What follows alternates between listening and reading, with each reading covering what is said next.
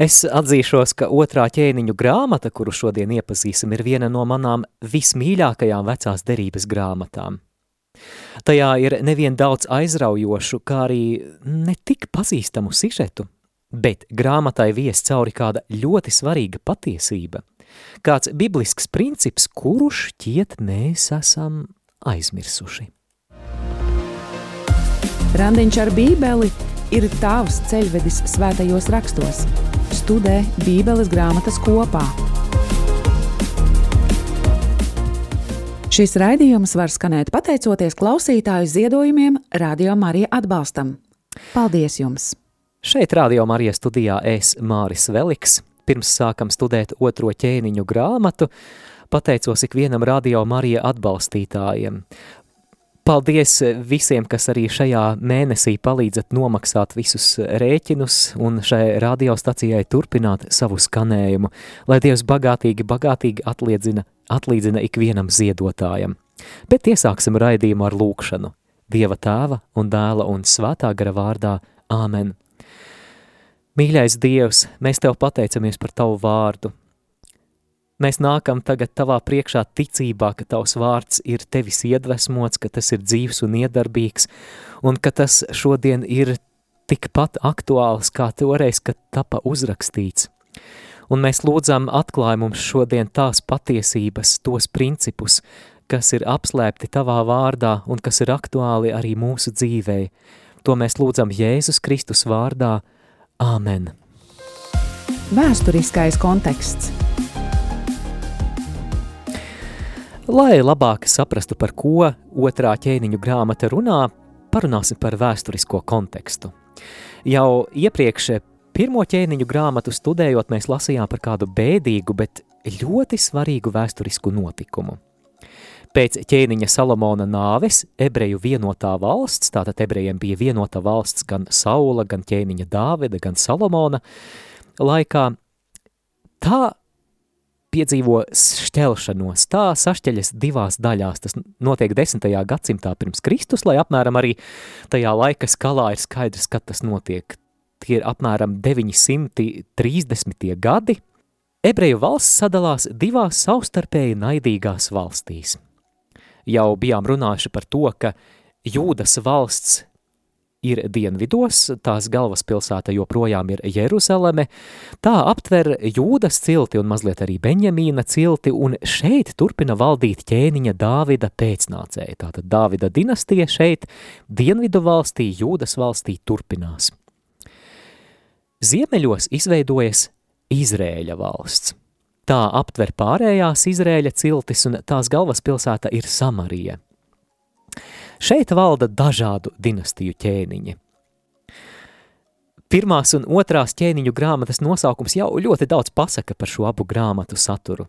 Ja jau ķēniņi pieminēti, tad, protams, šeit daudz ir runāts par ķēniņiem.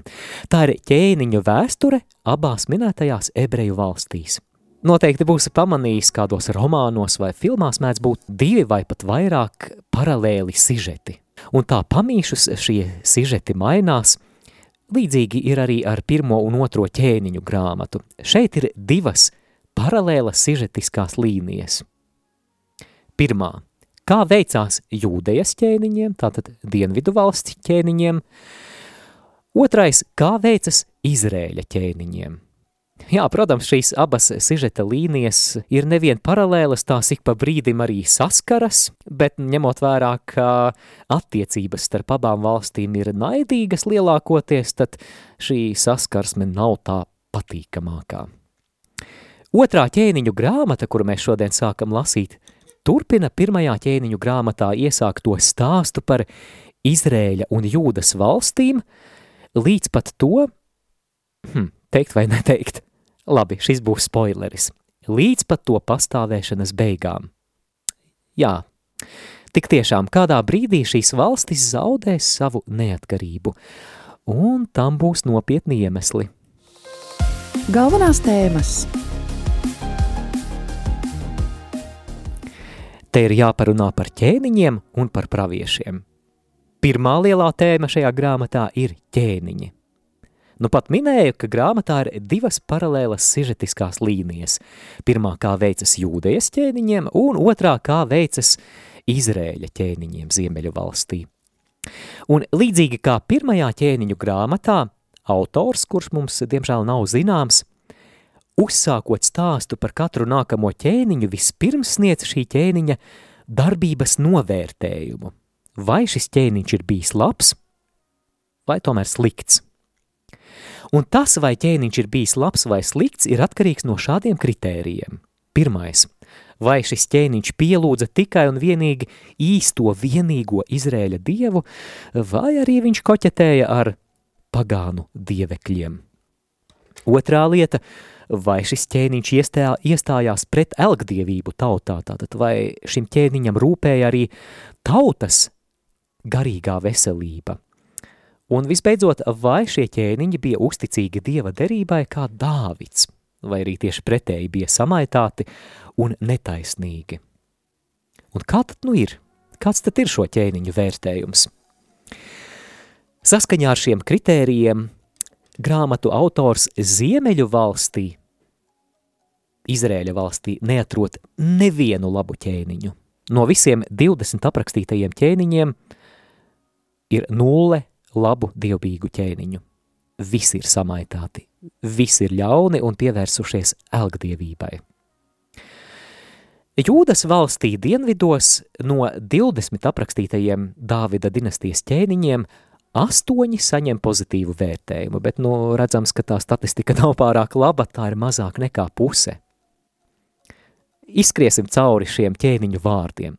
Rehabeāms, Salamona dēls, ļauns, abie, ļauns, Āsa bija labs, Josefats bija labs, tālāk Jorāms, ļauns ķēniņš, pēc viņa Ahazija arī ļauns, tad e, ķēniņiene Atālija ļauna, tad Joās labs, Amacija labs, Uzija, nu tā pa vidu sākumā labs, bet beigās slikts, Jotāms bija labs, Ahās ļauns, Hiskija bija labs, Manase, uzmanību, ļoti, ļoti, ļoti ļauns, mēs par viņu vēl parunāsim.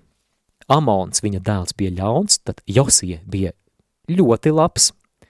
Jehoahās ļauns, Jehojakīms ļauns, Jehojahīns ļauns un pēdējais ķēniņš Cedekie ļauns.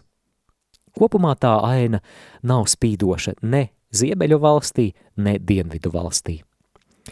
Tagad palūkosimies tekstā un paskatīsimies, kā izskatās ļauns ķēniņš un kā izskatās labs ķēniņš. Kā ļaunā ķēniņa piemēru mēs paņemsim ķēniņu Manasi, par kuru mēs lasām otrās ķēniņu grāmatas 21. nodaļā, un šeit mēs uzzinām, ka Manase veicina elku kalpošanu. Viņš uzceļ augstieņu svētnīcas elkiem, viņš ceļ bālam altārus, viņš darina ašēru, viņš aizraujas ar astroloģiju, viņš pielūdz zvaigznes, Jeruzalemes templī, kas ir Izrēļa tautas vissvētākā vieta, viņš uzceļ altārus zvaigžņu pulkiem, viņš zīlē, nodarbojas ar buršanos, viņš izsauc garus un vairo zīlnieku skaitu, nu neskan labi. Un pie tam visam mēs uzzinām, ka viņš pat upurē savu dēlu kā ugunsupuri. Tātad ķēniņš Manase ir ļoti, ļoti ļauns ķēniņš. Bet palūkosimies tekstā, kā izskatās labs ķēniņš. Un ja tev šķiet, ka, piemēram, tavā dzimtā viss ir pilnīgi traki, mm, tavi senči ir bijuši tādi un šitādi, nepārdzīvo. Nu pat aprakstītā ķēniņa Manases mazdēls ir ļoti svēts ķēniņš. Viņa vārds ir Josija. Otrās ķēniņu grāmatas 22. nodaļā mēs lasām ļoti aizkustinošu stāstu – ķēniņa Josijas laikā patiešām sākās Jeruzalemē ļoti, ļoti spēcīga atmoda. Tā bija viena no visspēcīgākajām atmodām vecās derības laikā, un viss sākas ar to, ka Jeruzalemes templī notiek remonts. Šī remonta laikā kāds no priesteriem atrod kādu aizmirstu, pazaudētu grāmatu, un klausītāji, kā tu domā, kas tā ir par grāmatu, ko viņi ir pazaudējuši savu laiku aizmirsuši un kas tagad tiek atrasta? Tu neticēsi, tā ir Tora. Tas ir Dieva vārds, likums, jeb piecas mūzes grāmatas. Padomā tikai, ir bijis laiks, kad pat jūdu tautā Dieva vārds bija pilnīgi aizmirsts. Varētu teikt pārklājies ar putekļiem vai ar zirnekļu tīkliem, kas varbūt arī mums atgādinājums pārbaudīt, vai mūsu bībeles nav pārklātas ar putekļu kārtiņu. Tātad priesteris atrod templī šo aizmirsto grāmatu, sāk lasīt un saprot, ka tas ir jāpalasa arī ķēniņam. Viņš dodas pie ķēniņa Josijas un sāk lasīt Dieva vārdu viņam priekšā un lūk, kā tas notiek, un pievērsiet uzmanību, kā reaģē ķēniņš Josija, kad dzird Dieva vārdu. Mēs to lasām otrajā ķēniņu grāmatā 22. nodaļā no 10. panta. Tad valsts raksvedis Safans vēl ziņoja ķēniņam sacīdams. Priesteris Hilkī man iedeva kādu grāmatu, un Safans to lasīja ķēniņam priekšā. Un notika, kad ķēniņš dzirdēja bauslības grāmatas vārdus, tad viņš saplēsa savas drēbes. Un ķēniņš deva pavēli priesterim Hilkijam un Ahikāmam, Safana dēlam, un Ahboram, Mihas dēlam, un valsts rakstvedim Safanam un ķēniņa sulēnim Asajam sacīdams: Ejiet un izjautājiet to kungu manis un tautas un visa jūdas labā par šīs grāmatas vārdu saturu, kas ir atrasta, jo tā kunga bardzība ir liela, kas pret mums iedegusies par to, ka mūsu tēvi šīs grāmatas vārdiem nav klausījuši, nedz darījuši to visu, kas priekš mums tur ir rakstīts. Vispirms paldies tev, Edmund, par eh, svēto rakstu lasījumiem šim raidījumam. Paldies par tavu kalpošanu. Bet tas, ko mēs dzirdējām, ka ķēniņš Josija dzirdot Dieva vārdu ir satriekts. Viņš saprot, ka tas, kas ir rakstīts šajā rakstu rullī, ka tauta no tā ir sen jau atkāpusies, ka tauta ir bijusi neusticīga, ka tauta vienkārši ir panicinājusi ar Dievu noslēgto derību, un viņš saprot, ka tas tā nevar palikt. Ķēniņš Josija ir tik ļoti Dieva vārda uzrunāts, ka vēlas šo vārdu pasludināt visai tautai, ko viņš arī dara. Lasām fragmentu no 23. nodaļas – no 2. līdz 3. pantam. Un ķēniņš gāja augšup tā kunga namā, un visi jūdas vīri un Jeruzalemes iedzīvotāji līdz ar viņu. Visi priesteri un pravieši, un visa tauta, gan mazi, gan lieli, un tad viņš tiem dzirdot lasīja priekšā visu šīs derības grāmatas vārdus, kas bija atrastā kunga namā. Un ķēniņš nostājās uz paaugstinājumu, un viņš noslēdza derību tā kunga priekšā, kas sekos tam kungam, un ka viņš ar visu sirdi un visu dvēseli turēs viņa baušļus un viņa liecības un viņa likumus, un ka viņš noteikti gādās, lai tiktu pildīt šīs derības vārdi, kas ierakstīti šī grāmatā, un visa tauta kļuva šīs derības dalībniece. Skaisti!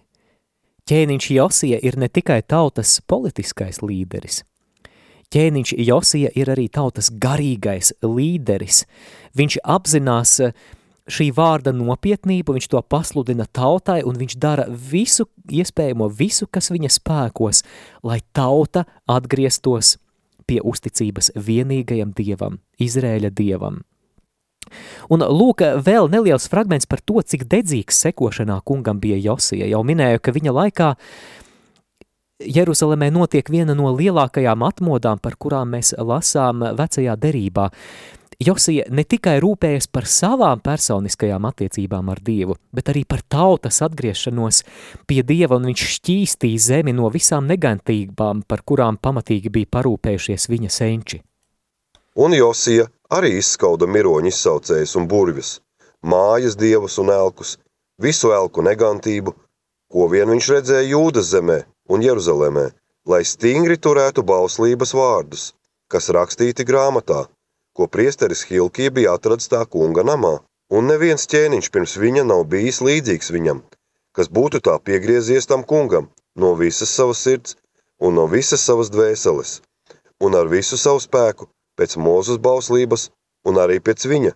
Neviens tāds necēlās kā viņš. Wow, te ir ko mācīties no ķēniņa Josies, gan mums individuāli, vēlēties sekot kungam ar visu savu sirdi, ar visu savu dvēseli, pievērsties Dievam, ierādīt viņam galveno vietu, bet ne tikai, ne tikai rūpēties par savu garīgo labklājību, savām attiecībām ar Dievu, bet degt par to, lai arī tauta seko Dievam. Lai sabiedrība atgriežas, lai tā tiek šķīstīta no visām negantībām un grēka, lai tā pievērš savu skatienu Dievam, no kura nāk glābšana. Tātad pirmā tēma šajā ķēniņu grāmatā, otrajā ķēniņu grāmatā – ķēniņi. Kā dzirdējām, labi un ļauni ķēniņi un gan no pozitīvajiem, gan negatīvajiem piemēriem ir ko mācīties. Iepazīsim Bībeles grāmatas kopā. Raidījums Randiņš ar Bībeli. Tātad pirmā tēma šajā grāmatā – ķēniņi. Otrā svarīgā tēma, ko vēlos kopā ar jums aplūkot, ir pravieši. Jā, bez ķēniņiem šajā laikā darbojas arī pravieši, kuriem ir ļoti, ļoti liela nozīme Izrēļa tautas garīgajā dzīvē. Kas tavuprāt ir pravietis? Varbūt kādi no jums iedomājaties kaut ko līdzīgu pareģotājiem vai gaišreģiem, kas prognozē nākotni. Tas ir ļoti, ļoti sašaurināts skatījums uz praviešiem. Pravieši bija Dieva izvēlēti cilvēki, kurus Dievs bija sūtījis pasludināt tautai Dieva gribu. Kaut kādā ziņā šie cilvēki runā uz tautu Dieva vārdā, un viņi ir kā tādi Dieva derības sarksuņi. Viņi sargā šo tautas uzticību noslēgtajai ar Dievu derībai. Tas nozīmē, ka ja tauta bija uzticīga derībai, Dievs caur pravieti varēja teikt, labi, tā turpināt. Savukārt, ja tauta bija neusticīga, ja tā sāka piekopt elgadievību, novērsās no Dieva un viņa derības, tieši pravieši bija trauksmes cēlo, cēlāji, ka nav labi, nav labi, tam būs sekas – Atgriezieties, atgriezieties pie tā aicinājuma, ko Dievs jums ir devis būt par gaismu arī citām tautām. Starp citu, mīļo klausītāji, lielākā daļa vecās derības praviešu grāmatu, un tādu ir diezgan daudz, kā tu zini, Jesajas grāmata, Jeremijas grāmata, Joēla, Habakuka grāmata, Amosa un citas praviešu grāmatas, tika uzrakstītas tieši tajā vēstures periodā, kas ir aprakstīts šodien mūsu lasītajā otrajā ķēniņu grāmatā. Tieši uz šo laiku attiecas šo praviešu darbība un raksti, un ja mēs labāk iepazīstam otro ķēniņu grāmatu, tas mums, tas mums var labāk palīdzēt vēlāk saprast arī praviešu grāmatas, jo nereti šie praviešu raksti ir kā tāds garīgs komentārs par tā laika sabiedrības garīgo un morālo stāvokli. Nereti Dievs aicināja praviešus, lai viņi īpaši vērstos pie tā laika ķēniņiem, pie tiem, kam bija vara un ietekme.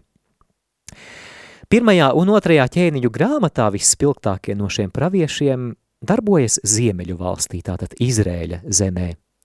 Par pravieti Eliju vienu no tiem mēs jau runājām, aplūkojot pirmo ķēniņu grāmatu.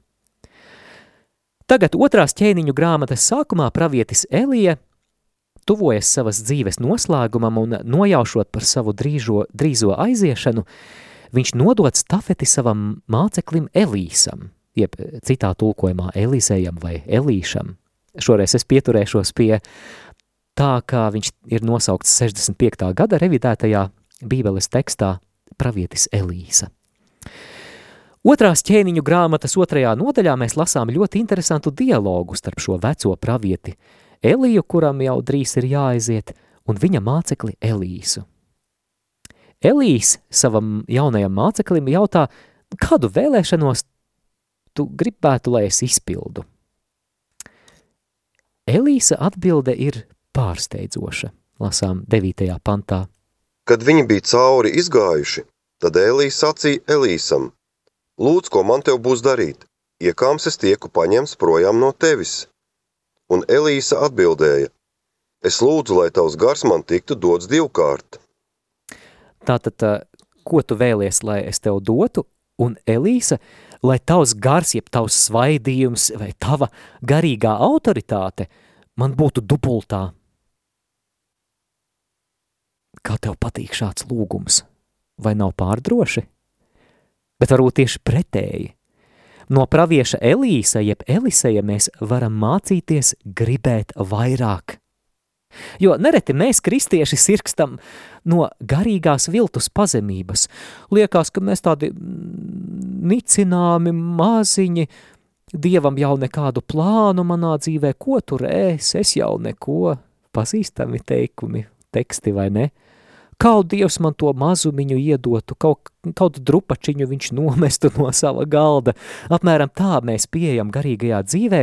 Savukārt, piemēram, apustulis Pāvils pirmajā vēstulē korintiešiem 14. nodaļā raksta dedzīgi tiecieties pēc garīgajām dāvanām, jeb dedzīgi meklējiet garīgās dāvanas – Dievs vēlas, lai mēs esam drosmīgi, lai mēs nebaidāmies nākt pie tēva, viņš ir mūsu tēvs, mēs esam viņa bērni, nevis ubagi, un mēs drīkstam lūgt maksimumu. Padomājiet, cik ļoti šodienas baznīcai un cik ļoti šodienas Latvijai ir vajadzīgi svaidīti dieva pravieši, svaidīti dieva vīrieši un sievietes, kuri darbojas svētā gara dāvanās, kuri darbojas dubultā un trīskāršā dieva svaidījumā – Nebaidies to lūgt. Lūdz maksimumu. Es pēdējā laikā, ja piedalos kādās rekolekcijās vai kādās konferencēs, es saku Dievam, Dievs, dod man maksimumu, dod man maksimumu. Es negribu mazumiņu, es negribu to drupačiņu, es gribu maksimumu. Un kas notiek ar šo Elīsa lūgumu? Ka viņš grib divkāršu svaidījumu. Dievs to piepilda. Tālāk mēs lasām, ka vecais pravietis Elija tiek parauts uz debesīm ar ugunīgiem ratiem, bet Elīsa paliek un turpina darboties kā pravietis, un zini, kas ir fascinējoši? Ja pirmās un otrās ķēniņu grāmatas autors bija minējis septiņus pravieša Elijas brīnumus, tad uzmini, cik brīnumus autors piemina runājot par pravieti Elīsu – parēķini, cik ir divkārši, cik ir septiņi reiz divi?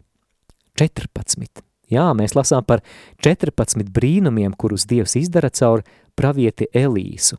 Viņš eh, augšām ceļ mirušu bērnu, viņš pavairo maizi, indīgu pārtiku viņš padara drošu, un uh, ir daudzi citi īpaši piemēri, bet iespējams, ka viens no vispopulārākajiem stāstiem par pravieša Elīsa izdarīto brīnumu ir uh, saistīts ar uh, svešas armijas uh, virspavēlnieku Nāmanu, kurš bija sasirdzis ar lepru vai ar spitālību, kas tajā laikā tika uzskatīta par nedziedināmu slimību, un uh, tad no šis Nāmans padzirdējis, ka pie Izrēļa ir kāds pravietis, dodas pie viņa. Piektā nodaļa. Un tā Nāmans ar saviem zirgiem un ar saviem ratiem atbrauca un apstājās Elīsas durvju priekšā. Tad Elīsa sūtīja vēstnesi un lika tam pateikt: Ej un mazgājies septiņas reizes Jordānā, tā tava miesa kļūs atkal vesela, un tu būsi šķīsts. Ko? Man jāgremdējas tajā netīrajā Jordānā? Vai tad pie mums nav iespaidīgākas upes? Un galu galā pravietis Elīse pat pie viņa neiznāca ārā nemaz.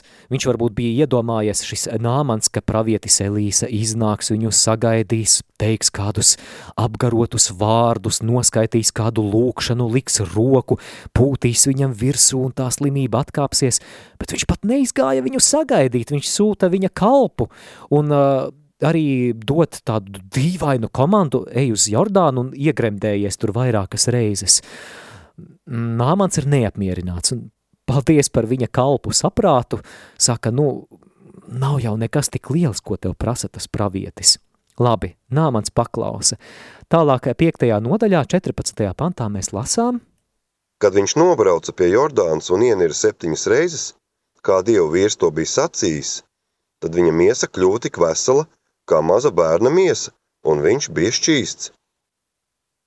Jā, šāda zīme, šāds dziedināšanas brīnums, ko Jēzus arī piemin evaņģēlijos, bet šeit es vēlos apstāties uz kādu brītiņu un pavadīt laiku kopā ar tevi lūkšanā par kādu tēmu, par ko arī kaut kā saņēmu, ka vajadzētu šajā raidījumā palūkties, par to, lai Dievs kristīgajā dzīvē baznīcā atjauno zīmes un brīnumus. Pravieša Elijas un pravieša Eliseja, jeb Elīsas kalpojums parāda šo harizmātisko dimensiju ticības dzīvē, kad uh, ir ne tikai patiesības vārda sludināšana, ko pravieša arī darīja, bet ka šis sludinātais vārds tiek apliecināts ar zīmēm un brīnumiem, un galu galā tas ir arī tas, ko Jēzus bija apsolījis saviem mācekļiem Marka evaņģēlija beigās, ka tur, kur tiks sludināts evaņģēlijs, Ticīgajiem līdzi ies šādas zīmes. Manā vārdā tie ļaunus garus izdzīs, tie jaunām mēlēm runās, tie čūs, kas ņems savās rokās, ja tie iedzers ko indīgu, tad uh, tas tiem nekaitēs, neveseliem tie rokas uzliks un tie kļūs dziedināti. Un es vēlos, lai mēs tagad kādu brītiņu pavadītu lūkšanā, lai Dievs sūta garīgo atmodu baznīcā, kura atklājas ne tikai caur uzticīgu un dedzīgu evaņģēlijas sludināšanu, bet arī, lai atklāja šī harizmātiskā dimensija, proti, lai Dievs parāda savu spēku. Pirms mēs lūdzamies, es pastāstīšu kādu gadījumu, kad uh, es nonācu pie līdzīgām pārdomām, ka mums ir vajadzīgs šis Dieva spēks. Es reiz sēdēju un uh, vakariņoju kādā ēdnīcā, tas jau bija pirms vairākiem gadiem, Un pie blakus galdiņa sēdēja divas meitenes, un nedomājiet, ka es noklausos svešas sarunas, vienkārši viņas tik eh, skaļi runāja, ka es visu dzirdēju. Un viena no tām meitenēm stāstīja tā, jā, es biju pie tās zīlnieces vai ekstrasenses, un, un, wow, un viņa man visu pateica, kā ir. Un tai otrajai arī acis vaļā, un jā, wow, runa par kaut ko tādu pārdabisku. Un, un es saskumu tajā brīdī. Es ļoti, ļoti saskumu ka par to, ka kādi, kas eh, kalpo varbūt kādā demoniskā spēkā, parāda tādu viltus spēku, apstulbinot citus cilvēkus, bet mēs, kristieši, reizēm dzīvojam tik nabadzīgu garīgo dzīvi, mēs reizēm vispār ignorējam to pārdabisko dimensiju, un, un tā mana lūkšana ir, lai būtu tādas situācijas – kad mēs kaut kur restorānā pie galdiņa dzirdētu kaut ko citu. Zini, es satiku kādu kristieti, viņš par mani aizlūdza un es saņēmu dziedināšanu, vai man bija depresija un es aizgāju uz baznīcu, priesteris par mani lūdzās un tā depresija aizgāja. Jā, tiešām nāca svētais gars un atjauno zīmes un brīnumus. Izstiep savu roku, lai notiek dziedināšanas un zīmes un brīnumi. Kungs, mēs ticam tavam evaņģēlijam. Palīdzi mums būt patiesiem evaņģēlijas sludinātājiem, un lai no mūsu sirdīm atkāpjas projām, no mūsu prāta atkāpjas projām jebkāds skepticisms, jebkāds neveselīgais racionālisms. Kungs, palīdzi mums noticēt kā bērniem un piedzīvot to, kā tu mūsu sludināto evaņģēlija vēsti apliecini ar zīmēm un brīnumiem. Kungs, un lai tas nav kaut kāds pašmērķis, bet tikai kā līdzeklis tam, lai dvēseles vestu pie tevis vienīgā glābēja. Nāc svētais gars, nāc svētais gars, mēs tevi lūdzam. Nāc svētais gars, atraisi mūsos svētā gara dāvanas, kādas tās bija vecās derības praviešos, kādas tās bija jaunās derības apustuļos. Jēzus Kristus vārdā, āmen!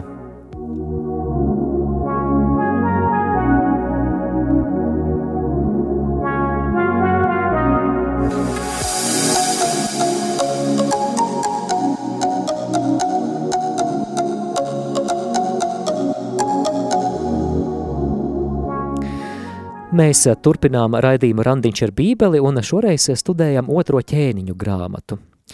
Tikko runājām par ķēniņiem, tad par praviešiem, esam noskaidrojuši, ka pravieši bija kā dieva derības sarksuņi, kuru misija bija brīdināt pret novēršanos no dieva derības un aicināt tautu atgriezties pie dieva.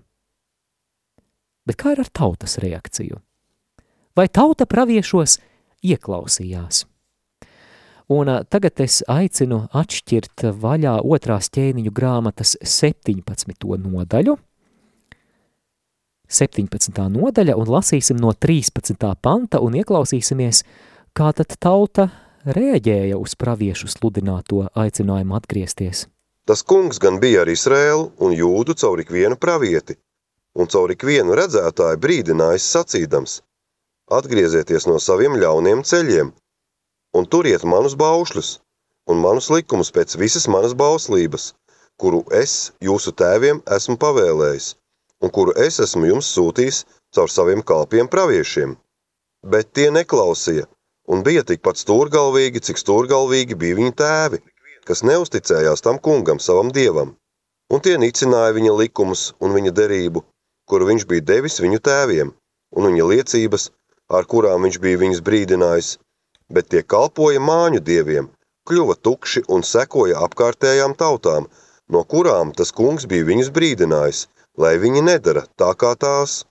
Un tie atstāja novārtā itin visus tā kunga sava dieva baušļus, un tie sev izlēja elku tēlus, divu teļu veidā, un darināja sev ašēru, un metās uz sava vaiga pie zemes, visu debesu zvaigžņu pulku priekšā, tos godinādami un kalpoja bālam.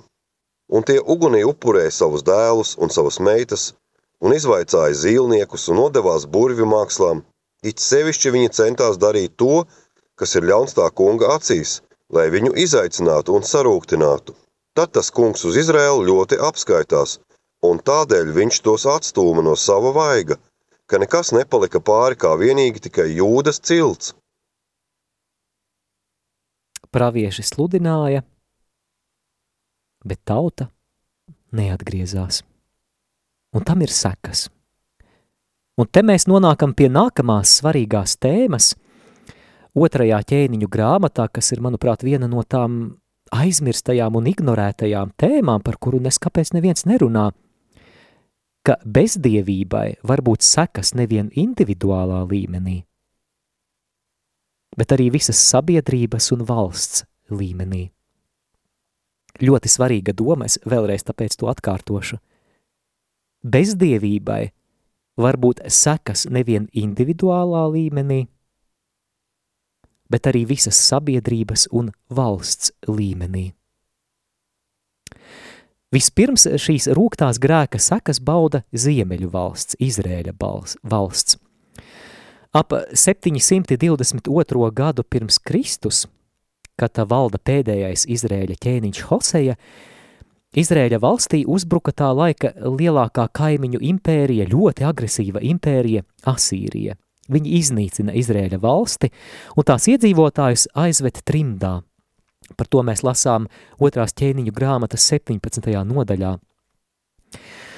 Tā kā Izrēļa valstī dzīvoja desmit Izrēļa ciltis, joprojām tiek uzskatīts, ka tās vienkārši šobrīd ir izzudušas, tās asimilējās starp citām tautām svešās zemēs.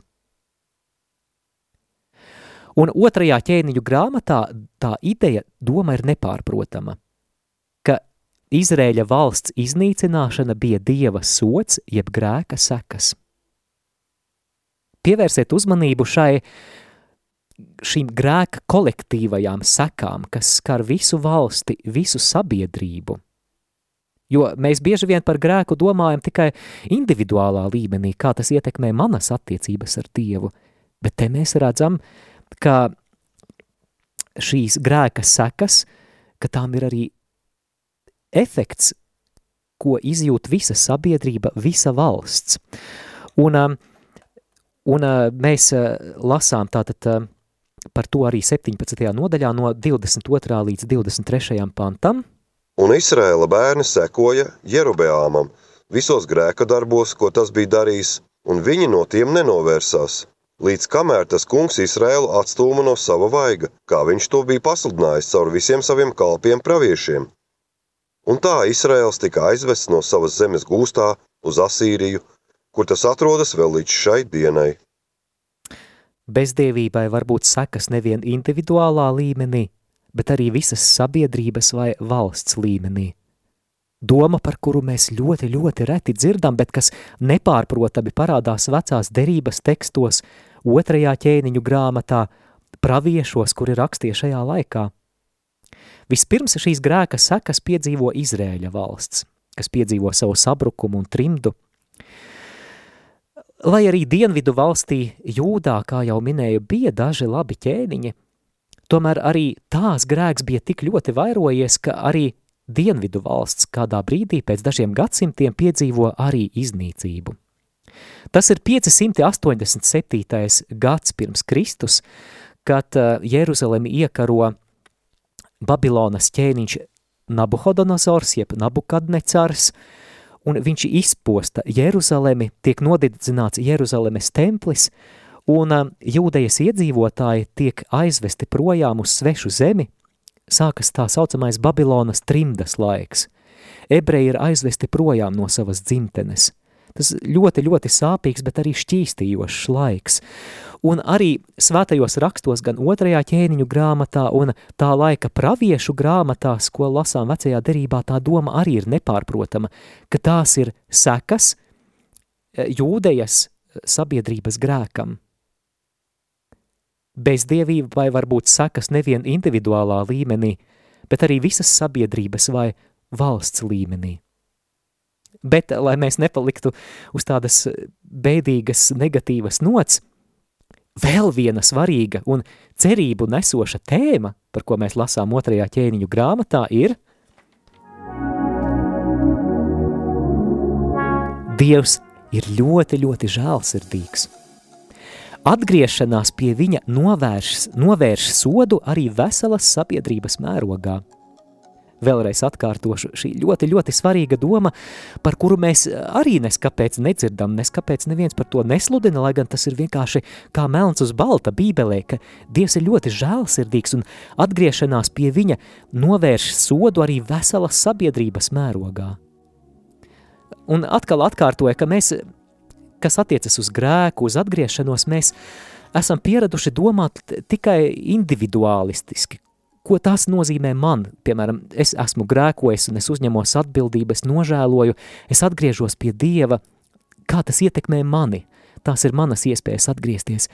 Bet Bībele visu laiku runā arī par šo kolektīvo atbildību, par šo kolektīvo aspektu, ka ir tāda lieta, ka ja sabiedrība atgriežas pie Dieva, tad uh, Dievs novērš to sodu vai tās grēka sekas, kas konkrētajai sabiedrībai var, var draudēt. Un tā, piemēram, otrajā ķēniņa grāmatā mēs lasām par ķēniņu Hiskiju. Ķēniņš Hiskija ir viens no tiem labajiem, labajiem ķēniņiem. Viņa laikā arī ļoti spēcīga atmoda Jeruzalemē. Un, lai gan ķēniņa Hiskijas laikā politiskā un militārā situācija ļoti trausla, tajā laikā ir ļoti plosās ļoti agresīva impērija Asīrija, tā apdraud Jeruzalemes neatkarību, ķēniņa un Jeruzalemes pievēršanās dievam ļauj piedzīvot pat militārus brīnumus bez nevienas kaujas. Tas, kas šķita neizbēgams, ka asīrieši tu, tulīt ņems un, un nopostīs Jeruzalemi, Dievs to novērš caur lūkšanu, caur garīgu atgriešanos pie Dieva, asīrieši paši atkāpjas. Mēs jau lasījām arī par ķēniņa Josijas laikā piedzīvoto atmodu. Caur pravieti Huldu, kas starp citu ir pravieti sieviete, Dievs ķēniņam Josijam apsola, ka jā, nākotnē jūdas grēku dēļ nāks pār Jeruzalemi posts. Bet tādēļ, ka ķēniņš Josija zemojās, zemojās Dieva priekšā, šis posts tiks pārcelts uz tālāku nākotni. Mēs par to lasām otrās ķēniņu grāmatas 22. nodaļā no 10. panta. Bet jūdas ķēniņam, kas jūs ir sūtījis, izvaicāt to kungu, jums tā būs sacīt. Tā saka tas kungs, Izrēla dievs, par tiem vārdiem, kurus tu esi dzirdējis. Tāpēc, ka tava sirds ir kļūsi mīksta, un tu esi zemojies tā kunga priekšā dzirdēdams – ko es esmu runājis par šo vietu un tās iedzīvotājiem, ka tiem būs iet postā un kļūt par lāstu, un tad tu esi saplēsis savas drēbes un esi raudājis manā priekšā. Tad arī es esmu tevi paklausījis. Tāds ir tā kunga lēmums. Tāpēc redzi, es tevi piepulcināšu taviem tēviem, un tu ar mieru tiksi guldīts savā kapā, un tavas acis neredzēs visu to nelaimi, kurai slikšu nākt pār šo vietu un tie pastāstīja ķēniņam šos vārdus. Tātad caur pravieti Huldu, kas tiek pasludināts ķēniņam Josijam. Jā, mēs arī tālāk lasot otro ķēniņu grāmatu redzam, ka nākamie ķēniņi ir ļoti bezdievīgi ķēniņi un tie grēki turpina krāties un jā, tiek pasludināts, ka pār Jeruzalemi nāks tas posts, kas patiešām 6. gadsimtā pirms Kristus nāca pār Jeruzalemi, sekoja tā Babilonas trimda, bet ka tas posts tiek atlikts, ka tu savā laikā ķēniņa Josie tādēļ, ka tu esi zemojies Dieva priekšā, tu to nepiedzīvosi. Lūk arī, cik, cik svarīga, cik, kā, mēs redzam, kā atgriešanās un Dieva meklēšana, ka tā var ietekmēt ne tikai personiskās attiecības ar Dievu, bet arī visu sabiedrību. Nedēļas doma – Pakavēsimies mazliet vēl pārdomās pie tā, ko es jau minēju, ka bezdievībai var būt sekas nevien individuālā līmenī, bet arī visas sabiedrības vai valsts līmenī. Un tā otrā cerību nesošā doma, ka Dievs ir ļoti, ļoti žēlsirdīgs, ka viņš mūs aicina atgriezties un tad, kad mēs atgriežamies pie Dieva, kad mēs lūdzam piedošanu, kad mēs zemojamies viņa priekšā, Dievs dziedina pat veselu sabiedrību, Dievs novērš draudošo postu sabiedrībai. Starp citu, otrajā laiku grāmatā, septītajā nodaļā, kas apraksta tieši šo pašu laiku, kas ir aprakstīts otrajā ķēniņu grāmatā, ir Dieva apsolījums, ka ja mana tauta zemosies manā priekšā, nožēlos grēkus un meklēs manu vaigu, es nākšu un dziedināšu zemi. Vēlreiz atkārtošu. Ja mana tauta atgriezīsies no grēkiem – zemosies manā priekšā un meklēs manu vaigu, es nākšu un dziedināšu zemi. Tātad Dievs ir ļoti, ļoti žēlsirdīgs, un šī ir tā tēma, par kuru mēs esam aizmirsuši. Bet, ja mēs ticam Bībelei, ja mēs ticam, ka tie principi, kas Bībelē ir atklāti, ka tie ir patiesi, ka tie ir reāli Dieva principi, kas darbojas, mums tajos ir ļoti, ļoti jāieklausās un jāmēģina attiecināt, kā tie attiecas uz mums. Un mums šeit reizēm jāķeras klāt nepatīkamiem jautājumiem, kurus gribētos paslaucīt zem tepiķīšanu, varbūt par tiem nemaz nedomāt. Piemēram, jautājums, kādi mēs kā Latvija esam Dieva priekšā? Kādi mēs kā Latvija esam Dieva priekšā? Jā, varbūt kāds teiks, nu jā, tu tur lasīji par to, ka Izrēļa un Jūdejas valstīs tika darītas tādas lietas kā bērnu upurēšana, mums jau nekas tāds nenotiek. Bet varbūt notiek, piemēram, ielūkojos oficiālajā statistikas portālā un pameklēju informāciju par abortu statistiku 2022. gadā, un tie ir 18 abortos, mākslīgajos abortos nogalināti bērniņi uz simts dzīvi dzimušajiem. Tas ir briesmīgi. Tā ir apmēram piektā daļa, apmēram piektā daļa vienkārši tiek iznīcināti. Vai tas nav tāds mūsdienu bērnu upuris, kas tiek pienests Moleham? Vismaz puse no laulībām tiek šķirtas. Mums tagad eh, Latvijā būs eh, partnerības institūts arī starp viena dzimuma personām. Un es vēlos minēt kādu notikumu, kur varbūt neesam ievērojuši, bet tas man liekas simboliski iemieso mm, tendenci, ko varētu nosaukt par to, ka mums Dievu nevajag. Mēs no Dieva atsakāmies.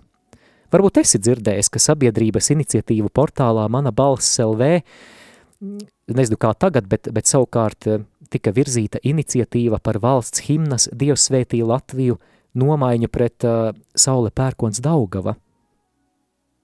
Ko tas simbolizē? Vai, vai šis gadījums nav gadījumā kā tāda emblēma, kā tāds simbols? Es nesaku par visu sabiedrību, ne, nav, nav jau tā, ka visi mēģina izstumt Dievu, bet, bet to, ka tā notiek, mēs arī nedrīkstam ignorēt, ka ir sabiedrības daļas, ir uh, mm, publiskais fórums, eh, varbūt sabiedriskā doma, mm, izglītības sfēra, dažādas sfēras, kurā mums vairs nevajag, lai Dievs svētī Latviju, tāpēc, ka Dievu mums varbūt nevajag. Atceries, ka bezdievībai var būt sekas nevien individuālā līmenī, bet arī visas sabiedrības un valsts līmenī, un tā nav mana doma. Tā ir doma, kura ir nepārprotami lasāma otrajā ķēniņu grāmatā, un mēs kāpēc mēs par to nedomājam? Varbūt ir pārāk baisi par to domāt. Bet tad tā otrā tēma, ka Dievs ir ļoti, ļoti žēlsirdīgs, ka atgriešanās pie viņa, tad, ja mēs nākam Dieva priekšā, tad, ja sākas garīgā atmoda, un varbūt, ja ne visa sabiedrība, bet vismaz daļa sabiedrības dedzīgi iestājas par savu tautu, par savu valsti, lūkšanā Dievs nāk un dziedina, Dievs novērš postu. Un, dārgie draugi, mums šāda atgriešanās sabiedrībā ir ļoti, ļoti vajadzīga. Tāpēc arī Radio Marija turpmāk aicina uz lūkšanu naktīm par Latviju katra mēneša pirmajā piekdienā. Nākamā lūkšana par Latviju būs jau 1. martā, un tam pamatā ir lielā mērā tieši šī doma, ka mums ir vajadzīga atgriešanās sabiedrības mērogā. Jā, varbūt mēs sākam ar to, ka mēs esam neliels pulciņš, un varbūt, ka tieši, bet varbūt, ka tieši mums ir jāpārstāv visa sabiedrība, jo tieši mēs Dieva priekšā esam tie priesteri, kuri varam nākt un pārstāvēt visu mūsu sabiedrību un lūgt piedošanu par mūsu sabiedrības grēkiem. Kāds var, varbūt varētu teikt, kāpēc man būtu jālūdz piedošana par grēkiem, ko es neesmu darījis. Es neesmu veicis abortus, es neesmu gājis ar kādu vara, varavīkšņoto karogu pa Rīgas ielām. Bet, ziniet, mēs kā kā kristieši, kā dieva bērni, varam nākt dieva priekšā kā priesteri. Un es te nerunāju par ordinēto priesterību, bet par to vispārējo priesterību. Mē, mēs varam nākt kā šīs sabiedrības, kā šīs tautas pārstāvji dieva troņa priekšā un iestāties par visu sabiedrību, kā to darīja ķēniņš Josija, kā to darīja ķēniņš Hiskija, kā to darīja vecās derības pravieši, un lūgt piedošanu par visas tautas grēkiem par visu to, ar ko mēs savu zemi esam aptraipījuši. Un mēs to varam darīt paļāvībā, ka Dievs ir bezgalīgi žēlsirdīgs, un ka paliek šis apsolījums otrajā laiku grāmatā septītajā nodaļā, ka ja mana tauta atgriezīsies no grēkiem, ja tā pazemosies manā priekšā, un ja tā meklēs manu vaigu, es nākšu un dziedināšu zemi. Dargie draugi, šis ir laiks, kad uh, mēs vairs nevaram atļauties tikai sapņot par Latvijas nākotni, par Latvijas atzimšanu. Ir laiks rīcībai. Šis ir uh, laiks, kad, uh, jā, kad mums ir jā, jāceļ šī trauksme, jo mēs gribam redzēt Latviju at, atbrīvot, mēs gribam redzēt Latviju atzimšanu, lat, atzimušu, mēs gribam redzēt garīgu atmodu Latvijā, mēs gribam at, redzēt baznīcu Latvijā dzīvu, un ja mēs neko nedarīsim, nekas arī nebūs. Tāpēc eh, mēs esam aicināti nākt Dieva priekšā, un, un es ceru, ka pienāks kāds brīdis, kad Latvijā. Mēs noteikti to darīsim šeit lūkšanu naktīs, radio Marija ēterā, darīsim to krusta ceļos, bet es ceru, ka reiz Latvijā, un es ceru, ka tuvākajā laikā Latvijā būs kāds publisks, milzīgs, milzīgs dievkalpojums, kurā pulcēsies visu konfesiju kristieši, kurā pulcēsies arī tie valsts vadītāji, tie līderi, kuri nav vienaldzīgi, kurā pulcēsies baznīcu konfesiju vadītāji un kurā mēs nāksim Dieva priekšā un nevis formāli, nevis kād, kādā diplomātiskā pasākumā, bet tāpēc, ka mēs saprotam, ka ir pēdējais laiks to darīt, ka mēs nāksim Dieva priekšā un lūksim piedošanu Dievam par visiem grēkiem šeit Latvijā, lūksim Dievam dziedināšanu mūsu zemē, Atcerieties, ka Fatimas dievmāte arī trim ganiņiem eh, arī deva šo vēstījumu, kur tik liels uzsvars uz gandarīšanu, atgriešanos, lūkšana, lūkšana, lūkšana, gandarīšana, gandarīšana ar apsolījumu arī, ka tas var novērst karu, kas tuvojas. Mums ir vajadzīga atgriešanās. Mums ir vajadzīga atgriešanās, un, un es aicinu, ja šajā brīdī uh, mani dzird kādi priesteri vai kopienu vadītāji vai vienkārši kristieši, kuru, kuru varā ir organizēt kādas lūkšanas par Latviju, darīsim to. Neatkarīgi no tā, vai tā ir mēneša pirmā piekdiena vai kāds cits jums ērtāks laiks, bet šai lūkšanu kustībai par Latvijas atgriešanos, par Latvijas atmodu jākļūst spontānai, stihiskai kustībai, kas, kas šķērso konfesiju robežas, kas šķērso draudžu robežas, kas notiek ģimenēs, lūkšanu grupās, kopienās un tā tālāk un tā tālāk, jo mēs gribam redzēt Latviju atzimušu, mēs gribam redzēt Latviju atgriezušos. Un uh, otrā ķēniņu grāmata var būt mums kā vien, no vienlaicīgi kā brīdinājums, bet no otras puses arī kā iedrošinājums, ka Dievs ir ļoti, ļoti žālsirdīgs un ka viņš neatstāja neuzklausītas dedzīgas lūkšanas par visas sabiedrības atgriešanos.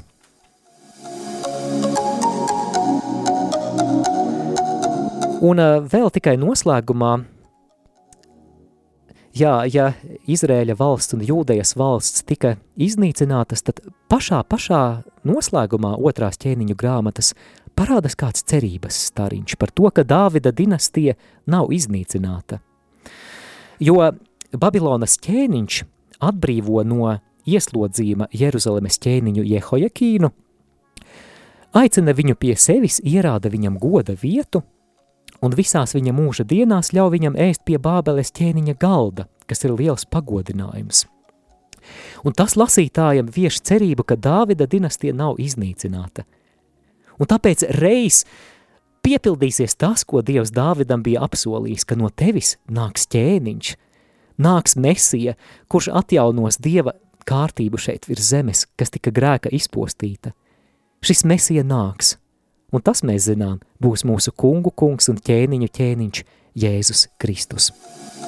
Mīļo klausītāji, ja tev patika šis raidījums, ja atzini to par vērtīgu, tad ieliec sociālajos tīklos patīk zīmi vai, vai sirsniņu, ieraksti komentāru, padot tālāk un tādējādi palīdzi šim raidījumam nokļūt pie tiem cilvēkiem, kuri varbūt par šo raidījumu nemaz nezina. Paldies, paldies, paldies!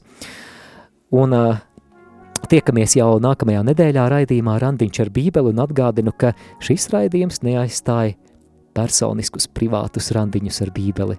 Lasīsim Dieva vārdu, lasīsim svētos rakstus un padarīsim to par mūsu ikdienas rutīnu, meklējot Dieva klātbūtni. Ar jums kopā biju es Māris Veliks, lai ir slavēts Jēzus Kristus. Jūs klausījāties raidījumu Randiņš ar bībeli. Savas atsauksmes, ieteikumus un jautājumus sūtiet uz e-pastu Randiņš ar Bībeli at gmail.com. Iepriekšējās raidījuma epizodes var atrast arhīvā.